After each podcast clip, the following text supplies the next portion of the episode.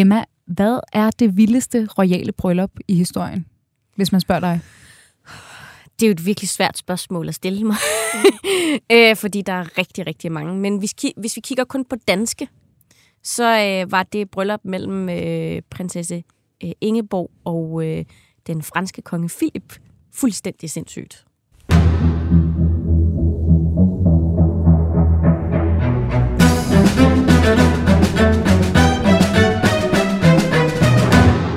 Når de kongelige gifter sig, følger hele verden med, og det er bestemt heller ikke lige meget, hvem de vælger at gifte sig med.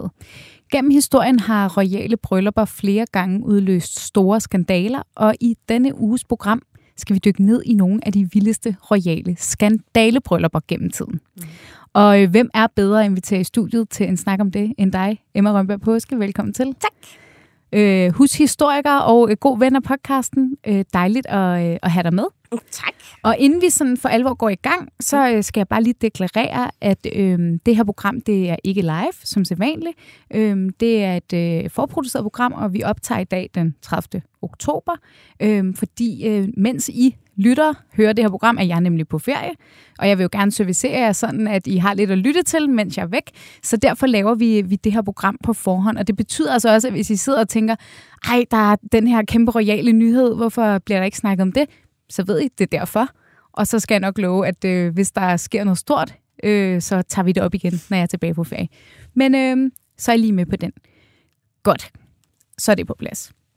Og Emma, jeg synes jo bare, vi skal springe ud i det, fordi jeg... Øh, jeg synes, der er mange gange, vi har siddet her i studiet og snakket om forskellige kongehuse, og så er vi kommet lidt ind på, uh, Harald og Sonja, uh, det er også en vild historie, eller uh, mm-hmm. så er der det par, eller det ægteskab.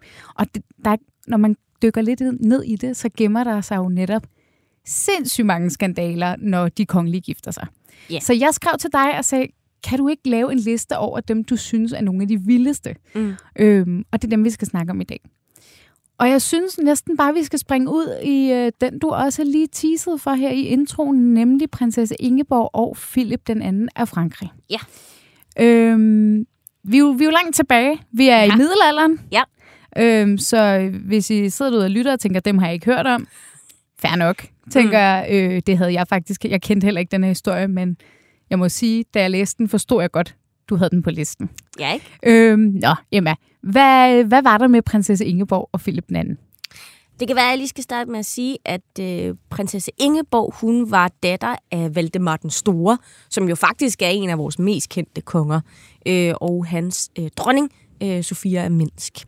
Og øh, især i middelalderen, der var man jo rigtig dygtige til at placere sine døtre eller øh, andre familiemedlemmer rundt omkring i de europæiske fyrstehuse. Så på den måde så var ægteskaber jo... Øh, ja, politik. Ja, en valuta også. Det var en valuta, ja. og, og, og ikke sådan, så kvinderne ikke havde noget at sige omkring det. Øh, øh det havde de faktisk tit. Øh, men det var fornuftsægteskaber, politiske ægteskaber, hvor man regnede med, at man så måske ville danne øh, en alliance af en eller anden art. Og øh, det at sende Ingeborg ned til Frankrig var ikke dumt. Øh, problemet var bare, at øh, Ingeborgs mand overhovedet ikke var interesseret i hende. Ja. Øh, fordi øh, vi ved faktisk ikke sådan helt, hvad der foregår til at starte med, men vi ved i hvert fald, at hun bliver sendt ned til Frankrig. De bliver gift uden sådan de større problemer faktisk, øh, indtil bryllupsnatten, hvor at Philip vælger at frastøde Ingeborg. Ja. Altså, han vil simpelthen ikke være sammen med hende. Og hvis man bliver gift, så skal man også have sin bryllupsnat. Sin første ja. bryllupsnat. Og, og den var vigtig dengang. Den, var Eller, den er jo vigtig, den er stadig vigtig, men man kan sige, dengang var det jo, det, jeg ved det primært fra, man mm. ser royale tv-serier, ja. så stod de jo og ventede, fordi var øh, ægteskabet fuldbyrdet. Ikke? Det jo. var vigtigt. Enten var der faktisk nogen, der stod helt inde i rummet. Ja. Øh, det er der eksempler på, hvilket er sådan rimelig sindssygt at tænke på. Øh, eller også stod man på den anden side, eller så fik man nogen til at berette, at man kunne høre noget, eller ja. et eller andet, ikke?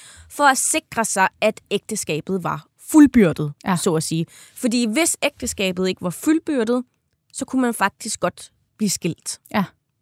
Øh, og øh, Philip, han er jo så åbenbart snedig nok til at sige, at øh, de har aldrig haft sex. Øh, de har i hvert fald ikke øh, været sammen på øh, bryllupsnatten. Ja. Og så var der en åbning for, at man kunne blive skilt. Ja. Ved vi egentlig, øh, øh, hvor gamle er øh, Ingeborg og Philip på det her tidspunkt? Der har, man har jo set mange af de her historiske Ja, ja. øh, ægteskaber, hvor så har det været en meget, meget ung prinsesse, der skulle giftes med en øh, lidt halvgammel øh, konge og sådan noget. Men øh, Ja. var det tilfældet her? Altså, man kan sige, øh, de var jo også relativt unge. Øh, Ingeborg var i hvert fald. Øhm, men altså, det er jo ikke sådan et underligt ægteskab Nej. på den måde. Øhm, og øh, sådan rent politisk var det et ret godt tænkt ægteskab. Der var flere rigtig gode politiske grunde til at gifte hende til Frankrig. Øh, problemet var bare lidt, at Philip jo nok havde kig på andre kvinder. Ja. Øhm, og vi ved jo faktisk, for at være helt ærlig, ikke rigtigt, hvorfor at han ikke brød sig om Ingeborg. Var, altså, åh, nu kommer man hurtigt ind i en upassende snak, Ja. men, men altså, var, hun, øh, var, hun, var hun ikke køn, eller var der noget, i, var der noget sådan der? Nej. Altså, hun, hun skulle angiveligt faktisk have været ret køn. Nå. Øhm, altså, vi ved, at øhm, vi ved ikke sådan super meget om, hvordan folk egentlig så ud i middelalderen. Nej, og de er jo også Men- blevet portrætteret nogle gange altså, forkert, ikke? Altså, eller- ja, ja. På, ma- på malerier og så videre. Altså, det billede, vi har af Ingeborg, der er hun faktisk ret køn. Øh, eller sådan skidt til ting. Øhm, og vi ved, at hendes mor, Sofia Minsk, var ret flot. Ja. Øh, og det er en af de eneste ting, vi, vi har lært om Ja. Sofia faktisk igennem historien, det var, at hun var ret flot. Meget sigende om, hvad vi, hvad vi videre formidler om kvinder. ja, og, og ret irriterende, fordi hun er faktisk en ret spændende historisk karakter. Ja. Øh, og Valdemar øh, den Store ved vi også faktisk var sådan ret høj og statlig. Øh, så, så chancerne for, at hun også var relativt pæn, Ja. er ret store. Ikke? Men altså, jeg har også læst noget om, mm. at, øh, at Philip, øh, den anden her, for ligesom at komme ud af den her øh, ægteskabsknibe, han så var, havde fanget sig selv i, selvom han ikke gad være gift med øh, mm. den danske prinsesse Ingeborg, at han ligesom sagde, at han, han kunne ikke forklare, hvorfor han ikke ville, øh, var, ville være sammen med hende. Nej. Måske var det trolddom. Ja, øh, og så er der en... Man kan altid hive trolddom op Ja. af hatten, ikke? Det kunne man måske også lidt nemmere dengang, i hvert fald i middelalderen. Øh, men så er der også en anden kanin, man kan hive op af hatten. Øh, både i middelalderen og renaissancen for at få en skilsmisse. Vi er for nært beslægtet. Ja. Og nu er der sikkert nogen, der tænker, men blev man ikke gift med sine kusiner og fædre og alt muligt andet? Øh, jo, jo. jo, jo, selvfølgelig. Men, men øh, øh, det var faktisk sådan, at man ikke måtte være for nært beslægtet. Det var der faktisk en regel om. ja. Og man skulle ofte have en, øh, sådan, en tilladelse fra paven øh, på daværende tidspunkt. Og øh, det havde de sådan set også fået og sådan noget, men nu synes Philip så alligevel, at de var for nært beslægtet.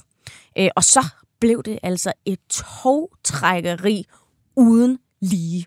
Fordi Ingeborg, hun havde ikke tænkt sig at flytte fra Frankrig. Hun ville ikke opgive uden kamp. Jo, men hun var blevet dronning af Frankrig. Ja. Og det havde hun tænkt sig at blive ved med at være. Ja. Og så var hun sådan set lidt ligeglad med, om hun skulle leve i eksil i et kloster, for hun var dronning. Det havde hun ligesom set frem Ja. til. Det var hendes politiske ret, nu var hun blevet gift med Philip. Ja, for han sender hende, er det sådan der, han sender hende i eksil i et Ja. kloster? Ja. Fordi han gider ikke at bo sammen med hende. Ej, jamen, altså, det, Fed, det, han det, er jo en det fed er fyr, ham absurd. Philip. Han er en super fed fyr.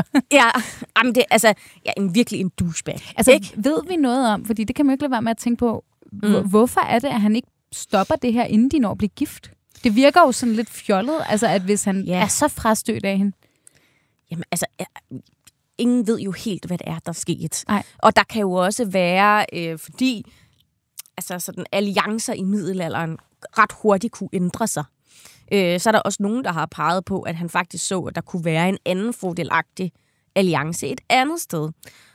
Om han var så religiøs, at han troede, der var noget trolddom, som Ingeborg i øvrigt selv fuldstændig afviste. Ja. Øh, eller om det her med at være for tæt beslægtet, om han reelt var bange for det, det ved vi ikke. Og det var jo også noget, som Ingeborg fuldstændig afviste. Ikke? Ja. Men man skal jo også tænke på, at det ene, den eneste, der havde noget at tabe ved ikke at få det ægteskab, det var Ingeborg. Ja. Altså hun fik en ny titel, et nyt land, som hun skulle være med til at regere. Og hvis det blev taget fra hende, så var hendes fremtid jo uvis. Ja. Fordi nu havde hun jo været gift en gang, som siger, hun kunne sikkert godt blive gift igen. Men det var jo hendes ret Ja. der var ved at blive Og taget jo, fra hende. og det er jo også det, man godt ved gennem historien. Mm. at det var jo i går så en gratis for mændene. Ja. Øh, på en eller anden måde at lave de her, den her manøvre, ligesom det jo også var for dem at have, jeg ved ikke, hvor mange elskerinder og sådan noget, ikke? Jo. Men kvinderne skulle jo øh, helst være rene og, og kunne blive sendt til en øh, ny konge, eller Ja, ja, ja. altså, og uden at være besudlet af andet, ikke? Jo. Øhm, hvordan ender hele den her sag? Jamen, altså, det går jo faktisk frem og tilbage. Og, øh, og Ingeborg, hun har jo nogen i Frankrig faktisk, der taler hendes sag. Øh, og som rejser til paven øh, og forklarer, hvad der er, der foregår. Og hun bliver faktisk løsladt, løsladt øh, fra sin husarrest eller sit eksil i, øh, i klosteret. Alt imens at Philip jo øh, har fundet sig en ny dame. Selvfølgelig. Ja, ja, Selvfølgelig ja. har Philip det. Ja, ja. Øh, Han har men, været på øh, klub og lige... Altså, det er jo virkelig frygteligt at tænke på, ikke? Men øhm, ja, Så hun bliver løsladt. Ja. Bliver hun i Frankrig? Tager hun til Danmark? Hvad, hvad gør hun? Jamen, hun bliver faktisk i, øh, i Frankrig. Okay. Øhm, og bliver sådan øh, jo set som sådan øh, et kras, kristent forbillede, kan man næsten sige. Og, Det er meget interessant. og hun forbliver dronning? Nej. Det gør hun så heller ikke. Øh, men altså, øh, nej, fordi Philip har jo sådan set fået en ny dronning, ikke? Øhm, men hun kommer ikke tilbage til Danmark. Okay. Ja. Okay. Voldsomt, øh, voldsomt for, øh, for Ingeborg, må Ja. man sige. Øhm, godt. Jamen, det var historien om øh, Ingeborg og Philip II af Frankrig, og øh, vi tager lige en skiller, og så fortsætter vi med endnu flere spændende ægteskaber.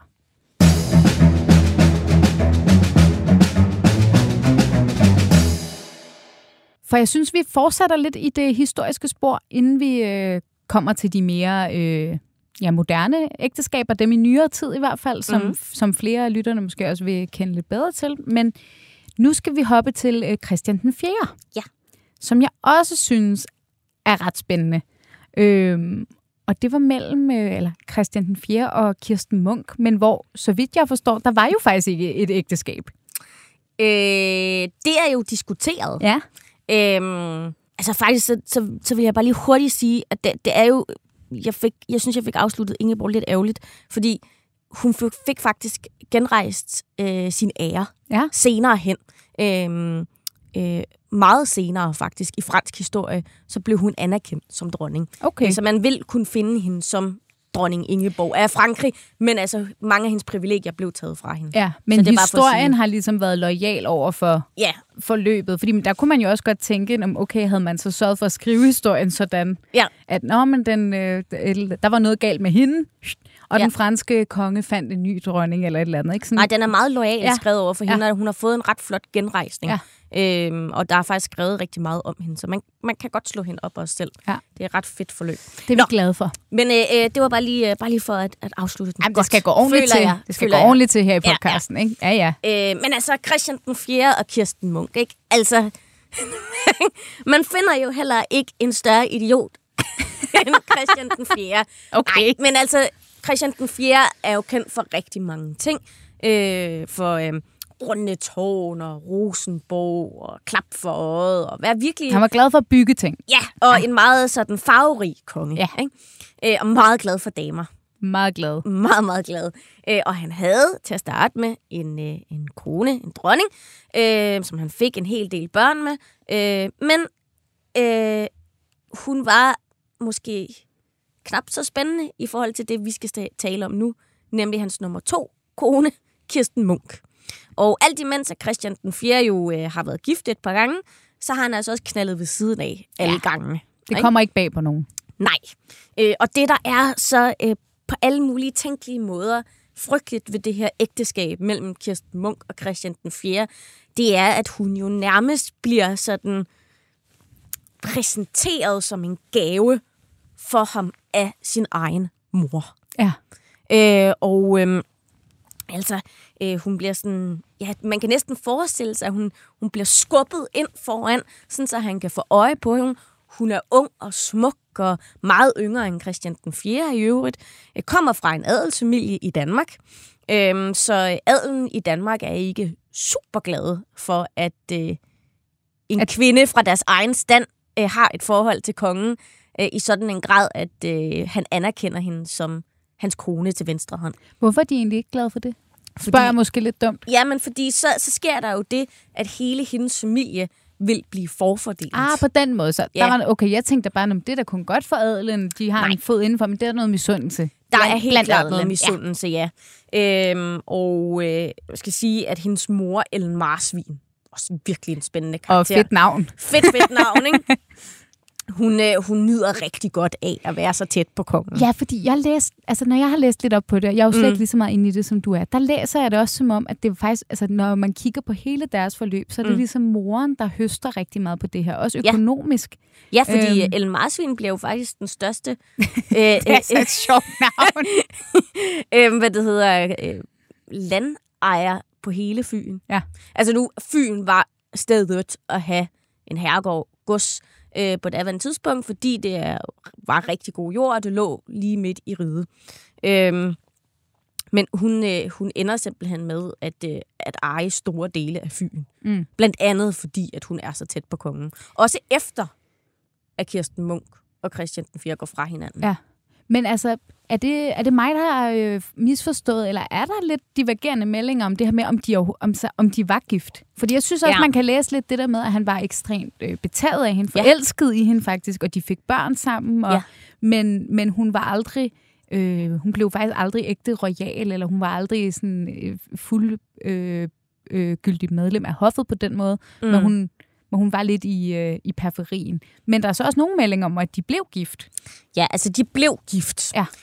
Øhm, og og der, man, kan- det kan man altid diskutere og sådan noget, men de blev gift, fordi Christian den 4., øh, som var meget overtroisk og troede på stjernerne, øh, meget New Age-agtig i virkeligheden i dag, men øhm, han havde fået at vide, at han skulle gifte sig inden et vist tidspunkt. Ja. Og så blev de gift. Meget hurtigt. Øhm, og øh, hun blev jo aldrig dronning til gengæld, og, og meget af hoffet brød sig ikke om hende, fordi hun netop var fra adelen. Øh, og Christian den 4. var dybt, dybt betaget af hende, og de fik jo bare det ene barn efter det andet. Ikke? Altså, man skal jo prøve at forestille sig, at hun... Det var jo en tid uden prævention. ja, og øhm, det der med at vente en vis mængde uger efter, at hun havde født, var han også rigtig dårlig til. ja. Kan man også se, fordi hun fik nærmest et barn hver år. Ej. Puha. Ikke? Altså kan man forestille sig, at nu banker han sat med på Ja. igen, ikke? Og han skal bare... Altså, hans, hans sexappetit må have været ret stor, ikke? Fordi ja. han havde jo hende, og så havde han jo faktisk også elsker inder. Ja. Øhm, og faktisk, hvis man kigger sådan på det, altså hele hendes forløb, så kan man også se, at hun, hun sender også børnene væk. Øh, hun får jo blandt andet Leonora Christina. Øh, hun sender børnene væk til, hjem til sin mor, til Marsvin, øh, og virker... ja, Undskyld, undskyld til Ellens efterkommere, hvis de lytter med. Det er ikke med vilje. er Jeg altså synes et virkelig bare, det er godt sjovt navn. Men øhm, altså, der er noget, der tyder på, at hun faktisk også får øh, fødselsdepressioner. Okay. Altså bliver decideret øh, deprimeret af at få så mange børn i træk. Men jeg skulle også til at sige, hvad, hvad er hendes reaktion på alt det her? Fordi mm. hun bliver jo øh, altså, af sådan en øh, magtsyg mor skubbet ind Ja. øh, foran kongen, fordi øh, at hun ser et, et profit. Ja. Øh, hvordan har hun det selv i alt det her? Og han, Christian den 4. bliver forelsket i hende, må Ja. man forstå.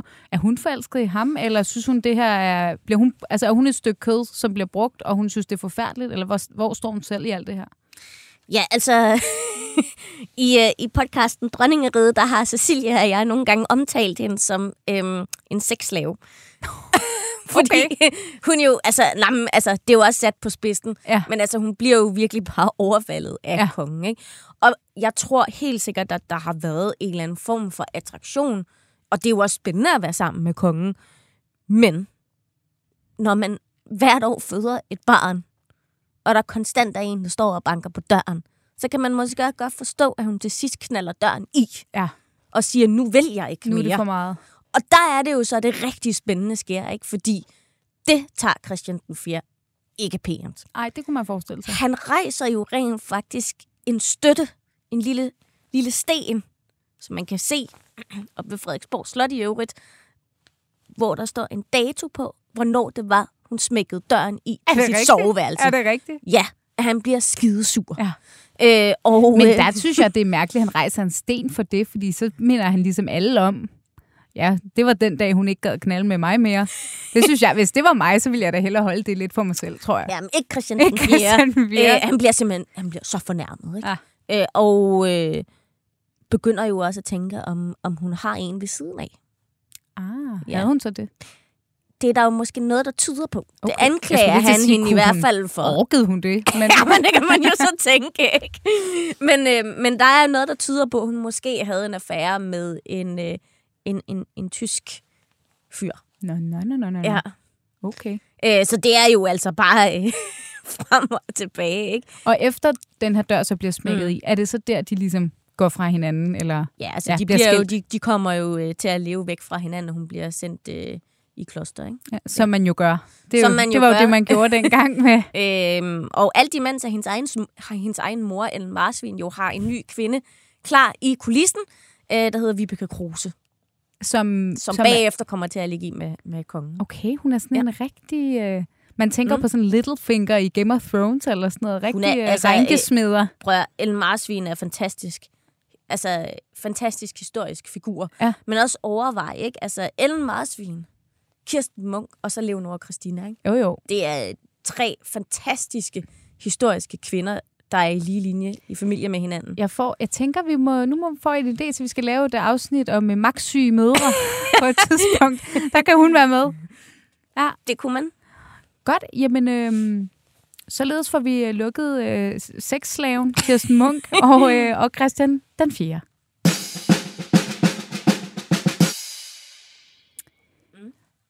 Så har vi den sidste, det sidste historiske ægteskab på, øh, på tapetet, som, som jeg øh, er personligt meget investeret i, fordi det er øh, Grevinde Danner og Frederik den 7.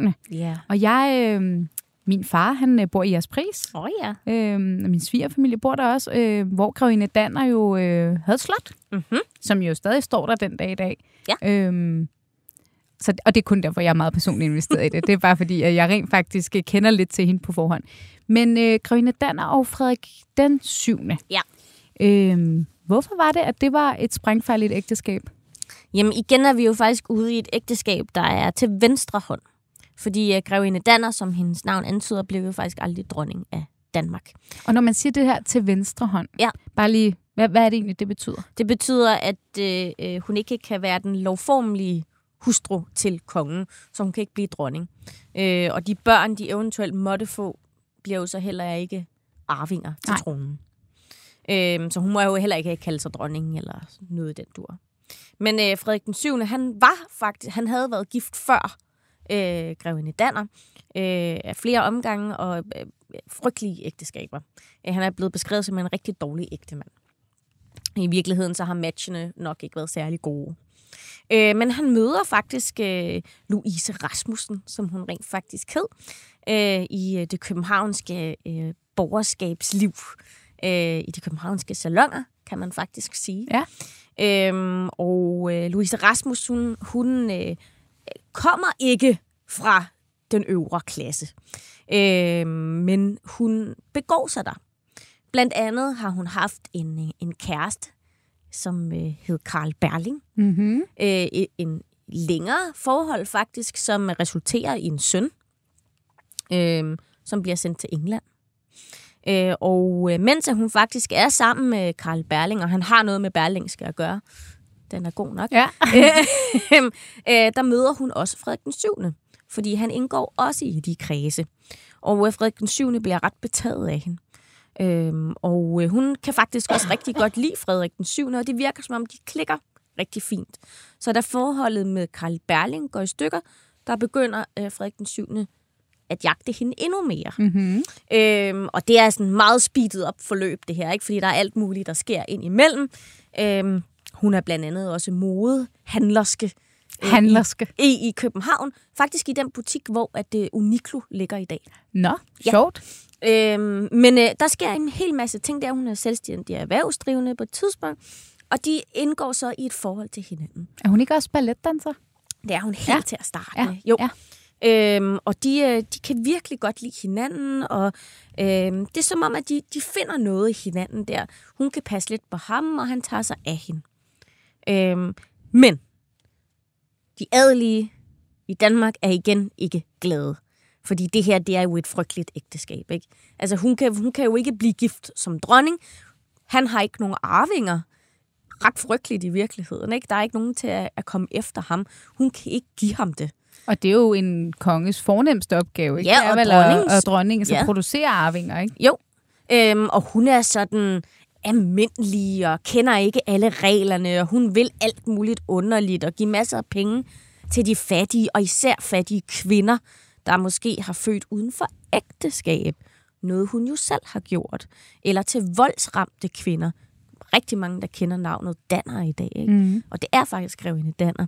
Så, så hun ville rigtig gerne det filantropiske liv give en masse penge til dem, der ikke havde særlig meget. På mange måder, det man jo, altså nogle øh, takter, man kan se den dag i dag hos ja. øh, kronprinsesse Mary, prinsesse mm. Marie, altså hos moderne øh, faktisk royale kronprinsesser og prinsesser rundt om i Europa. Ja, altså man kan sige, på mange måder var hun meget moderne, og hun var utrolig glad for at lære nye ting og rejse. Og, og på den måde havde hun også rigtig meget til fælles med Frederik den 7., som jo elskede arkeologi og ud og lære en masse om historie, grave nogle gamle grave op og sådan noget. Ikke? Så de havde en masse ting til fælles. De var bare ekstremt ille set af adelen i så Danmark. Det, så det her ægteskab, det var faktisk ikke mellem dem, at det var, der var noget Nej, galt. Det var, det var- faktisk rundt om, at folk ikke billigede det, fordi hun ikke Ja. var, hun var ikke fin nok simpelthen. og hun blev virkelig udskammet på ja. Grund af det. Men hendes eftermæle og Frederik den 7. eftermæle er jo altså enormt fint og, øh, og meget folkeligt. Sådan virkelig nogle af de allerførste folkelige kongelige. Ja. Fordi altså for eksempel Grevinde Danners slot der i jeres Mhm. pris, Ja. Der er jo også øh, ved siden af slottet øh, boliger, der ligger der, som mm. er Mhm. blevet brugt som børnehjem i Ja. mange år. Ja. Øhm, og hun har også doneret øh, det, der var hendes hjem i København, Mm-hmm. øh, som vel er det, der er Dannerhuset i dag. Ja. Øh, som man kender som øh, ja, et tilflugtssted for voldsramte kvinder. Ja. Øhm, så, så på den måde er hun jo, er hun jo sådan et, det er jo sådan et navn, man kender, og man ja. kender nemlig for noget, nogen, der brugte sin magt på en god måde. På noget rigtig Ja. godt, ikke? Ja. Men altså, hun blev totalt udskammet. Ja. Og, og, og overvej lige, hun havde et barn uden for ægteskab. Det var det værste, man kunne Ja. ja. dengang. Så altså, øh, det, var, det var ikke dem, der var noget galt med, men tværtimod alle rundt omkring dem. Ja. Mens at befolkningen faktisk jo synes, at det var et rigtig hyggeligt Ja. ægte par. Ikke? Og gik de så fra hinanden på grund af den her modstand? Nej, de Nej. forblev jo sammen, øhm, og øh, var jo, så vidt jeg ved, ret lykkelige i virkeligheden. Nå, Ja, altså, så nogle gange så kan et sådan lidt skandaleægteskab jo også handle om, at dem rundt omkring synes, at det er noget frygteligt noget, Ja. ikke? Og der kom jo heller ikke nogen arving. det er jo Øhm, Romeo og Julie-historien om igen. Ja, ikke? ja. Altså, det er det jo faktisk. Og, øh, og de holdt ved, og, og man kan jo kun glæde sig over, at øh, de ting, Grønne Danner har stået for og skabt, som vi stadig har i dag. Ja.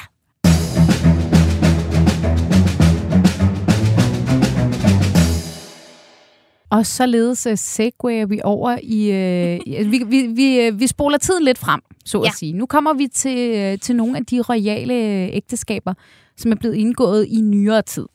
Øhm, og, øhm, og jeg synes, vi, øhm, vi starter vi starter med øh, Beatrix og Claus. Ja.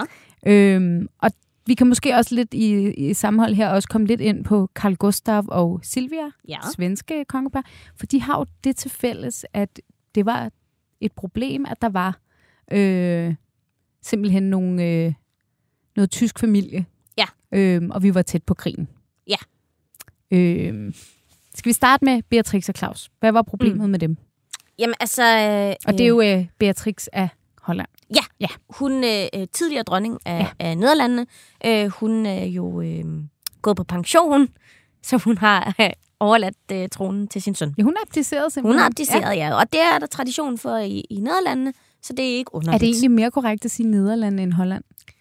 Det tror jeg, fordi at det er noget med, at Holland er øh, en del af Nederlandene. Okay, ja, godt. Jeg retter ind. Fint. Men altså... Øh, Du, du er ikke helt sikker. jo, jeg tror ah, faktisk, jeg er ret okay. sikker. Ja. Nå, det er også en Men, Men, øh, ting. øh, Men øh, Beatrix, nu abdiceret dronning. Ja. Øh, og Claus, ja, som var tysker. han var tysk diplomat. Ja. Og det er Øhm, måske lige vigtigt, øh, hvad årstal de ligesom finder sammen. Ja, de bliver øh, første gang fotograferet sammen i 1965. Ja. Øhm, og så tænker man måske, oh, det er da et stykke tid efter krigen. Ja. Men det er det jo faktisk ikke. Altså, det er 20 år efter, ikke? Øhm, og øh, det er ikke glemt i Nederlandene, hvad der skete under 2. verdenskrig. Bestemt ikke. Og Nederlandene her har en helt anden historie omkring 2. verdenskrig, end, øh, end vi har i Danmark. Øhm, så det var på mange måder enormt traumatisk for den nederlandske befolkning, at Beatrix hun fandt en tysk diplomat. Øh, og der var stor opstandelse. Ja. Altså, der var ikke særlig mange, der syntes, det var en god idé. Var det fordi, der simpelthen bare stadig var et, et kæmpe had til tyskerne og til Tyskland, øh, selvfølgelig ja. på baggrund af 2. verdenskrig, eller var ja. det også fordi, at der var noget i hans fortid, som var problematisk? Altså, øh, Claus, han var, han var tysk diplomat, og kom fra en, en ret fin familie i virkeligheden. Han har også et gigalangt navn, hvis man slår det op. Jeg skal ikke sige det, fordi det lyder dumt, når jeg prøver at sige det. vi nøjes med Claus. Ja, øhm, og øh, hvis man kigger ind i hans families historie, så er der desværre også nogle tråde til nazisterne. Ja. Så det er ikke grebet ud af den blå luft, men man, igen skal man spørge sig selv, skal han bøde for noget, som hans forfædre mm. har gjort, og som noget, som, som han i virkeligheden ikke har haft noget at gøre med. Mm. Øhm, så altså, det var, øh, det var op ad bakke for de to til at starte med, og befolkningen brød sig ikke om ham i rigtig, rigtig, rigtig mange år. Øh, det var først senere i deres ægteskab, sådan helt op i 80'erne faktisk, at man begyndte at, øh, at bryde sig rigtig meget om ham. Og hvad, hvad gjorde så, det vendte? Altså var det simpelthen tiden, der på en eller anden måde lavede det sår, eller var det fordi, han gjorde en rigtig god figur? Eller... Ja, altså man kan sige, øh, tiden hjælper jo rigtig meget, og det viste sig, at han var en rigtig god støtte for Beatrix. Altså han havde jo også den meget svære rolle som prins til en dronning. Mm. Og vi har jo set rundt omkring i Europa det her med at være prins, når ens kone er dronning, jo af og til kan være lidt udfordrende. Ja. Øh, både i England og i Danmark. Ja. Og der var bare aldrig noget med ham. Nej. Altså, han gjorde det til perfektion. Ja. Nu, havde, nu lavede jeg sammen med Jakob Sten Olsen i sidste uge program om øh, kronprinsesse Victoria og prins Daniel. Ja. Som jo også, altså uden at have den tyske baggrund, men også havde den her store modstand i starten, men så netop fordi han viser sig at være en så, har vist sig at være en god prins faktisk, ja. og en god støtte, så har han ligesom vundet tilliden. Og det var det samme, Claus gjorde. Ja, ja. altså han var også troværdig og stillede op til ting, og altså støttede Beatrix, ikke? Ja. ja. Så, så han endte faktisk med at være så, elsket. At være elsket i, ja. i Holland, i Nederlandene. Ja. ja. Og så er der jo også nu, hvor vi er ved det her med den tyske fortid, så Ja. synes jeg, det er oplagt lige også at vende Carl Gustav og dronning Silvia. Ja. Fordi der har det jo også fyldt ret meget. Mm-hmm. Og fylder stadigvæk Ja. rigtig meget. Øhm, Carl Gustav og Silvia mødtes jo øh, til de olympiske lege. Ja, der er altså noget med skandinaviske royale og OL, hvor vi godt kan lide at, øh, at møde Ja. vores prinsesser. Øhm, og øh, øh, hvad det hedder, øh, det var jo øh, kærlighed ved første blik, synes de begge to, i hvert fald øh, ifølge øh, en masse historier. Øhm, men Silvia, hun øh, øh, kom jo egentlig fra Brasilien, mens hendes familie var flyttet fra Tyskland til Brasilien. Øhm, og der er en masse historier om, at øh, Silvias far fik nogle ting, øh, en masse penge, noget virksomhed, fordi at det blev taget fra nogle andre. Og det er jo altså jøderne, det er blevet taget fra. Øh, og øh, i forbindelse med, at krigen var ved at nå sin slutning, så rejser de jo så altså til Brasilien, og der var en hel del nazisympatisører, det er svært at sige, der øh, rejste til øh, Syd- eller Mellemamerika, øh, fordi der kunne de få fred. Øhm, og vi ved også, at øh, der er blevet kigget rigtig, rigtig meget på Silvias familie, og der er rigtig mange ting, der indikerer, at de har haft en hel del med nazisterne at gøre. Ja. Øhm, det er jo ikke noget, Silvia igen skal bøde for, fordi det har jo ikke været hendes idé eller tanke, eller noget, hun overhovedet har været med til. Så på mange måder er det jo komplet åndssvagt, at børn af folk, der har lavet et eller andet, de nok ikke skulle have gjort, skal bøde for, at de har gjort det. Ja. Altså, det gør vi jo heller ikke normalt, vel? Nej. Og det er nok der, hvor man kan sige, det der ophøjet, som et kongehus har. Mm. Altså, hvor at du på en eller anden måde jo er en galionsfigur øh, for dit land. Ja. At der bliver man måske også målt på nogle højere standarder, altså på en eller anden måde, ikke? Og det der med, at folk bliver grænsket lidt om, hvem er, hvad er det her for en person, og kan ja. vi stå inden for det og sådan noget, ikke? Øhm, men igen fristes jeg til at sige, at det, man tænker jo, det er lidt samme historie. Altså, dronning Silvia er jo også, mm. har jo også været populær i Sverige. Ekstremt populær, ja. ja. Øhm, og øh, kan sige, den svenske konge, Carl Gustavs familie, har jo også haft visse berøringer med nazisterne. Ikke? I hvert fald noget, det bliver i hvert fald kraftigt antydet, at der har været et eller andet forhold der, hvis man kigger lidt tilbage i historien også. Mm. Og det er jo ikke noget, han bøder for. Nej. Øh, på samme måde. Øh, hvis man ser den der nyeste dokumentarserie, der er på HBO om kong Carl Gustav, øh, og hele det forhold, der har været i Sverige til nazisterne, øh, og hele det opgør, man også har haft, som de også taler om, og så samtidig med, at, at der også er historien omkring Silvia, og Silvias familie med nazisterne, så bliver det jo sådan lidt meget. Øh, og derfor kan man måske også godt forstå, at det bliver blæst endnu mere op. Ikke? Jo. Øh, har dronning Silvia og måske egentlig også øh, Claus i, i Nederlandet, har de selv været ude og i tale sætte det og sætte nogle ord på det, eller er det noget, mm. man har man har forbigået i stillhed og ventet på, at det gik over, eller sådan, hvor, hvor eksplicit har det været egentlig? Altså, det har faktisk været i talesat ret eksplicit. Ja. Øh, både i Nederlandene, men også i Sverige. Øh, og Silvia har været ude at sige, at altså, det er jo ikke hende, der har gjort noget. Og faktisk har hun også øh, siddet og skrevet breve til øh, en, en svensk tv-station, som vil vise noget omkring den her fortid, ikke? og bede dem om at stoppe simpelthen. Okay. Øh, fordi at hun brød sig ikke om det, og man kan jo også altid sætte spørgsmålstegn ved, hvor kom de her penge fra, eller hvor kom de her ejendomme fra? Vidste familien rent faktisk noget, ikke?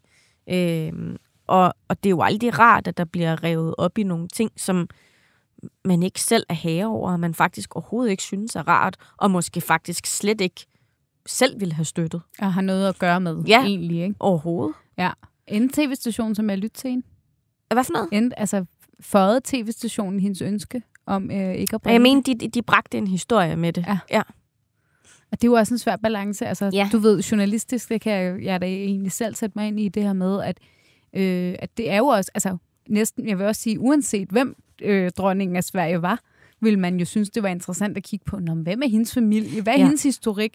Og når den historik altså, endda så er, hvad mm. den er, så gør det den jo ikke mindre interessant. Nej, nej. Men skældet må jo altid ligge der med, at skal man bøde for sin forældres, bedsteforældres fejl, hvis man ikke selv har haft noget med at gøre, ikke? Jamen, det, det føles bare en lille smule uretfærdigt, ikke? Altså, jo. på den måde. Og det er jo øhm. nok også, tror du ikke også, det der, altså det er jo også derfor, de har, nu siger jeg gået så en klaret den. Ja. Altså egentlig både øh, Beatrix, øh, Claus og, og så dronning Silvia. Fordi altså, der var ingen tvivl om, at hvis det, hvis det var kommet frem, at man selv havde haft en eller anden, der, der er selvfølgelig også noget aldersmæssigt, der gør, at det kan have været lidt svært for nogle af dem, og han nåede rent faktisk at være involveret. Ja. Men hvis det nu viste sig med nogen, det kunne man jo ikke. Man, nej, nej. Altså, det ville, ville jo ikke kunne lade sig gøre. Men altså, de er jo begge to ekstremt populære, ikke? Jo. Øhm, og jeg synes og jo... dronning Silvia er vel egentlig i mange år langt mere populær end sin mand. Ja, ja altså, altså... han har jo så netop vist, at man godt kan blive upopulær på, hvad man selv gør. Ja, øh, og jeg, jeg synes jo også bare, det er rart at se, at det er kærligheden, der har vundet. Ja. Og ikke alt muligt andet. Ja. Alle mulige andres tanker og idéer om, hvordan det skal være. Ja. ja. Var der egentlig modstand? Nu tænker jeg bare, det var, det var bare meget sjovt, øh, da vi talte om Victoria og Daniel, at mm. der var i hvert fald nogle rygter om, at Silvia havde haft en lille smule modstand mod ah. Daniel i starten. Så tænker jeg bare, at det er jo sjovt. Var der nogen modstand fra Carl Gustavs forældre i forhold til Silvia? Fordi en ting er jo, at han står at de fast. var jo døde, så.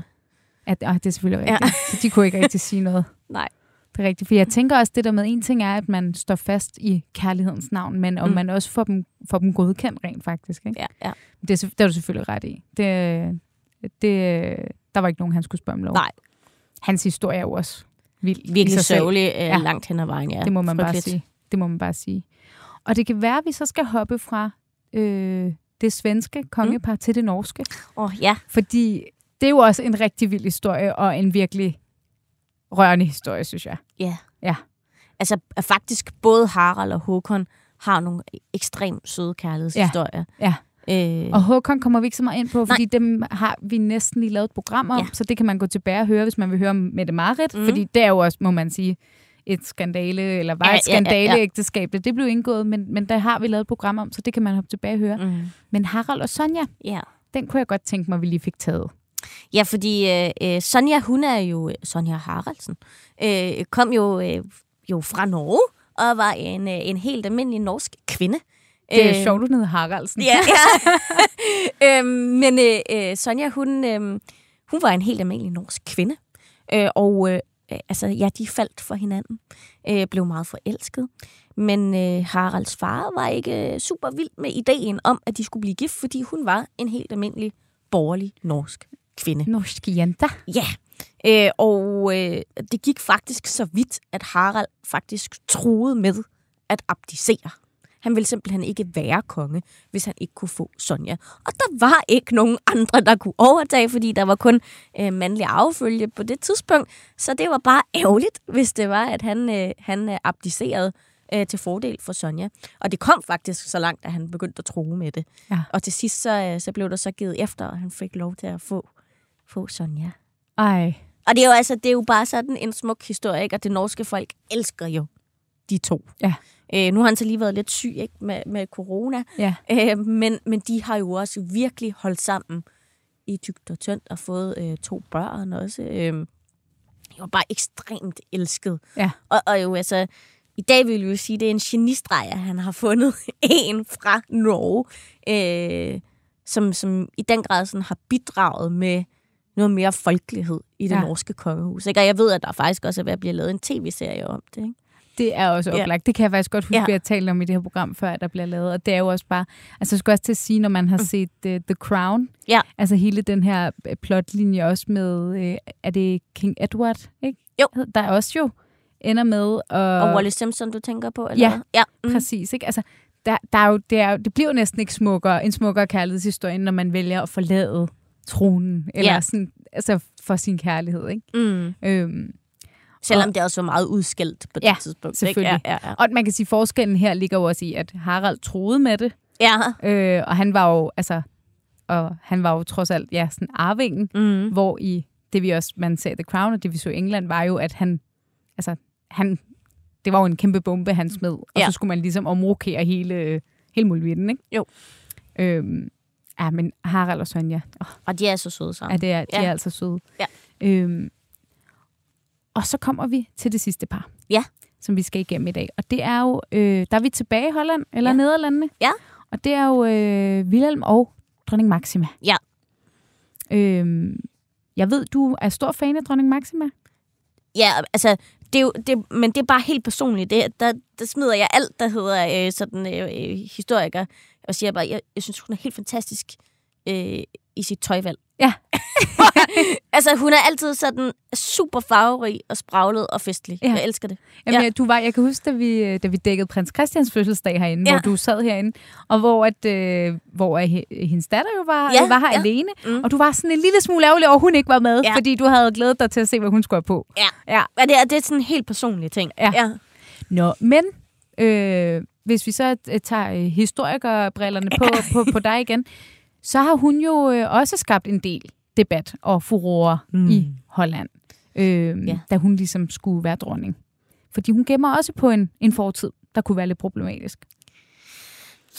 Altså, øh, og jeg ved ikke, hvad det er, de gør nede i Nederlandene, om de bare skal finde sådan en halvproblematisk øh, øh, type til at starte med. Øh, men der er jo ikke som sådan noget galt med Maxima, og hun har ikke gjort noget forkert, men hendes far har været involveret i øh, ja, det diktatorskab, der var øh, i Argentina. Ja. Og, øh, og det er jo der, hun oprindeligt er fra. Hun har et, et meget langt, fint navn. Øhm, og øhm, Ja, hendes far var, så vidt jeg har kunne læse mig til, landbrugsminister. Ja. Øh, under, øh, og nu skal jeg lige se hans navn her, under den argentinske diktator Jorge Rafael Videla. Og, og det, det er jo ikke sådan super godt at gifte sig med en, der har været direkte involveret i noget med noget diktator. Nej. ting. Det kan man sige. Og jeg Det- det tænker ser også, dårligt ud. Og jeg tænker måske også, at det, og det må du øh, korrekse mig, hvis jeg tager Mm. fejl, men især øh, også Nederlandenes position taget betragtning, Ja. også som et øh, øh, kongerige, så at sige. Mm. Og det her med, at de har jo også forskellige øer øh, under sig som Ja. kolonier. Ja. Øh, så det der med, at man så på den måde har Mm. nogle tråde ind i sådan noget, er vel, altså det, er jo, det vil altid være, være skidt. men det, det er måske ekstra skidt, øh, når man er når man lige præcis er Holland, Nederlandene. Altså, man glemmer jo lidt, at Nederlandene faktisk også har været en ret stor kolonimagt. Mm. Og de stadigvæk til den dag i dag har nogle områder, der ligger meget langt væk fra Nederlandene, øh, som de faktisk også besøger af og til. Ja. Ikke?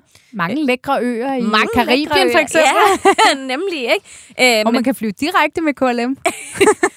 som William Alexander jo faktisk øh, øh, flyver en gang imellem. Ja. Øh, men øh, altså, øh, det så jo bare rigtig skidt ud, ikke? At William Alexander, han skulle giftes med en, øh, hvis øh, familie var involveret i, ja, noget med diktatoren, ikke? Ja.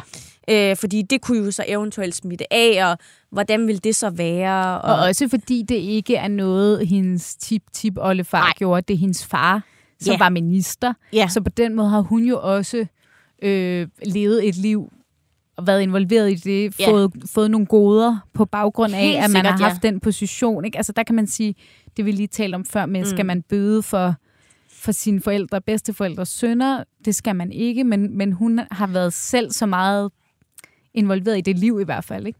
Hun var så ekstremt tæt på. Igen ja. er det jo ikke noget, hun selv har valgt. Nej. Øhm, og hun øh, frasiger jo så også alting, da hun øh, øh, gerne vil giftes med William Alexander. Og øh, det, det kommer jo faktisk så vidt, at, at hendes egen far jo ikke deltager i brylluppet. Ja. Øh, han er simpelthen ikke inviteret. Og det forstår man måske godt. Det forstår man godt, men ja. prøv at overveje at være til dit bryllup, ja. uden at dine forældre må være der. Ja. Altså, ja, ja, de er, det er jo... ikke, ikke, ikke og hun, inviteret. Og hun, altså, hun var, var tæt med sin far. Ja. ja det var hun. Ja. Øh, og det var også helt klart noget, der fyldte rigtig meget for hende. Da hun også senere fortalte, at det, det var hårdt, ja. at øh, hendes far ikke var der. Og det er jo, hendes familie er ikke noget, man hører om Nej. længere. Altså, alt, er der alt, en kontakt overhovedet? Jeg ved, nu ved jeg ikke, om de stadig ja. lever. Øh, altså, øh, der er kontakt til familien, ja. øh, men af, hvad jeg ved af, så er det ikke sådan noget, sådan, Nej. Øh, der er særlig meget fremme. Nej. Nej. Men er det så samme historie? Slutter vi også på en, på en high note med Maxima? Ja, altså, at hun ligesom også har fået... Der var en modstand, men hun har fået bevist sit værd.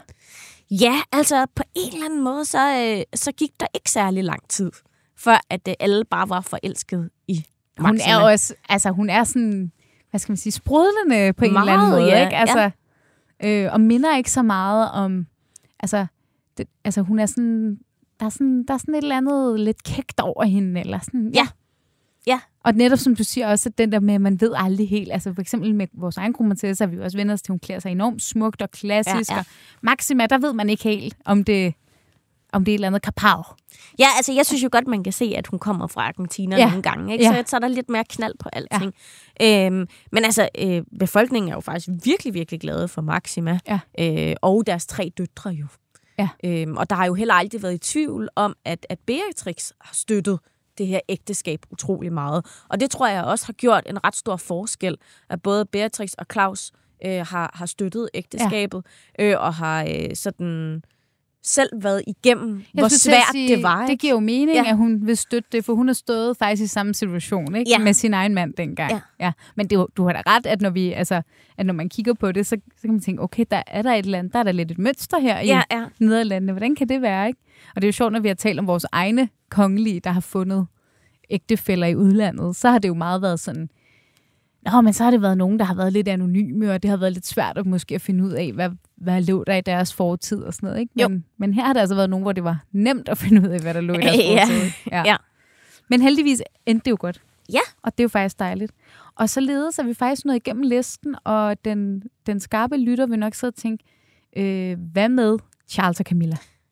Og, yeah. dem, altså, og dem vil jeg også meget gerne snakke om, men jeg synes næsten, de er så stort et emne, mm. at de, de fortjener næsten deres eget program. Øh, fordi det, yeah. det er jo en, en længere saga, som, hvor vi godt kender flere af, af kapitlerne allerede, men, men dem synes jeg næsten, vi, vi skal tage op øh, på et tidspunkt, hvor vi, hvor vi fordyber os i dem. Og der kommer jo rigtig meget om, om dem til øh, den nye sæson af The Crown. Der kommer jo nemlig en ny sæson ja. af The Crown. 16. november. Ja.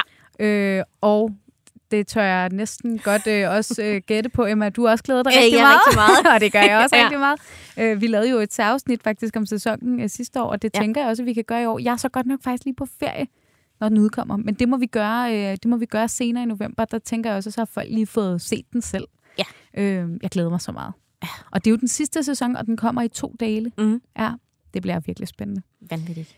Men forløbig, så, øh, så runder vi udsendelsen af her. Tusind tak, Emma, fordi du vil øh, komme og være med til at gennemgå nogle af de her vilde ægteskaber, øh, der har været i royale kredse gennem, øh, gennem årene. Så let. Jeg, øh, jeg er sikker på, at vi kunne, vi kunne vende flere, hvis vi havde mere tid.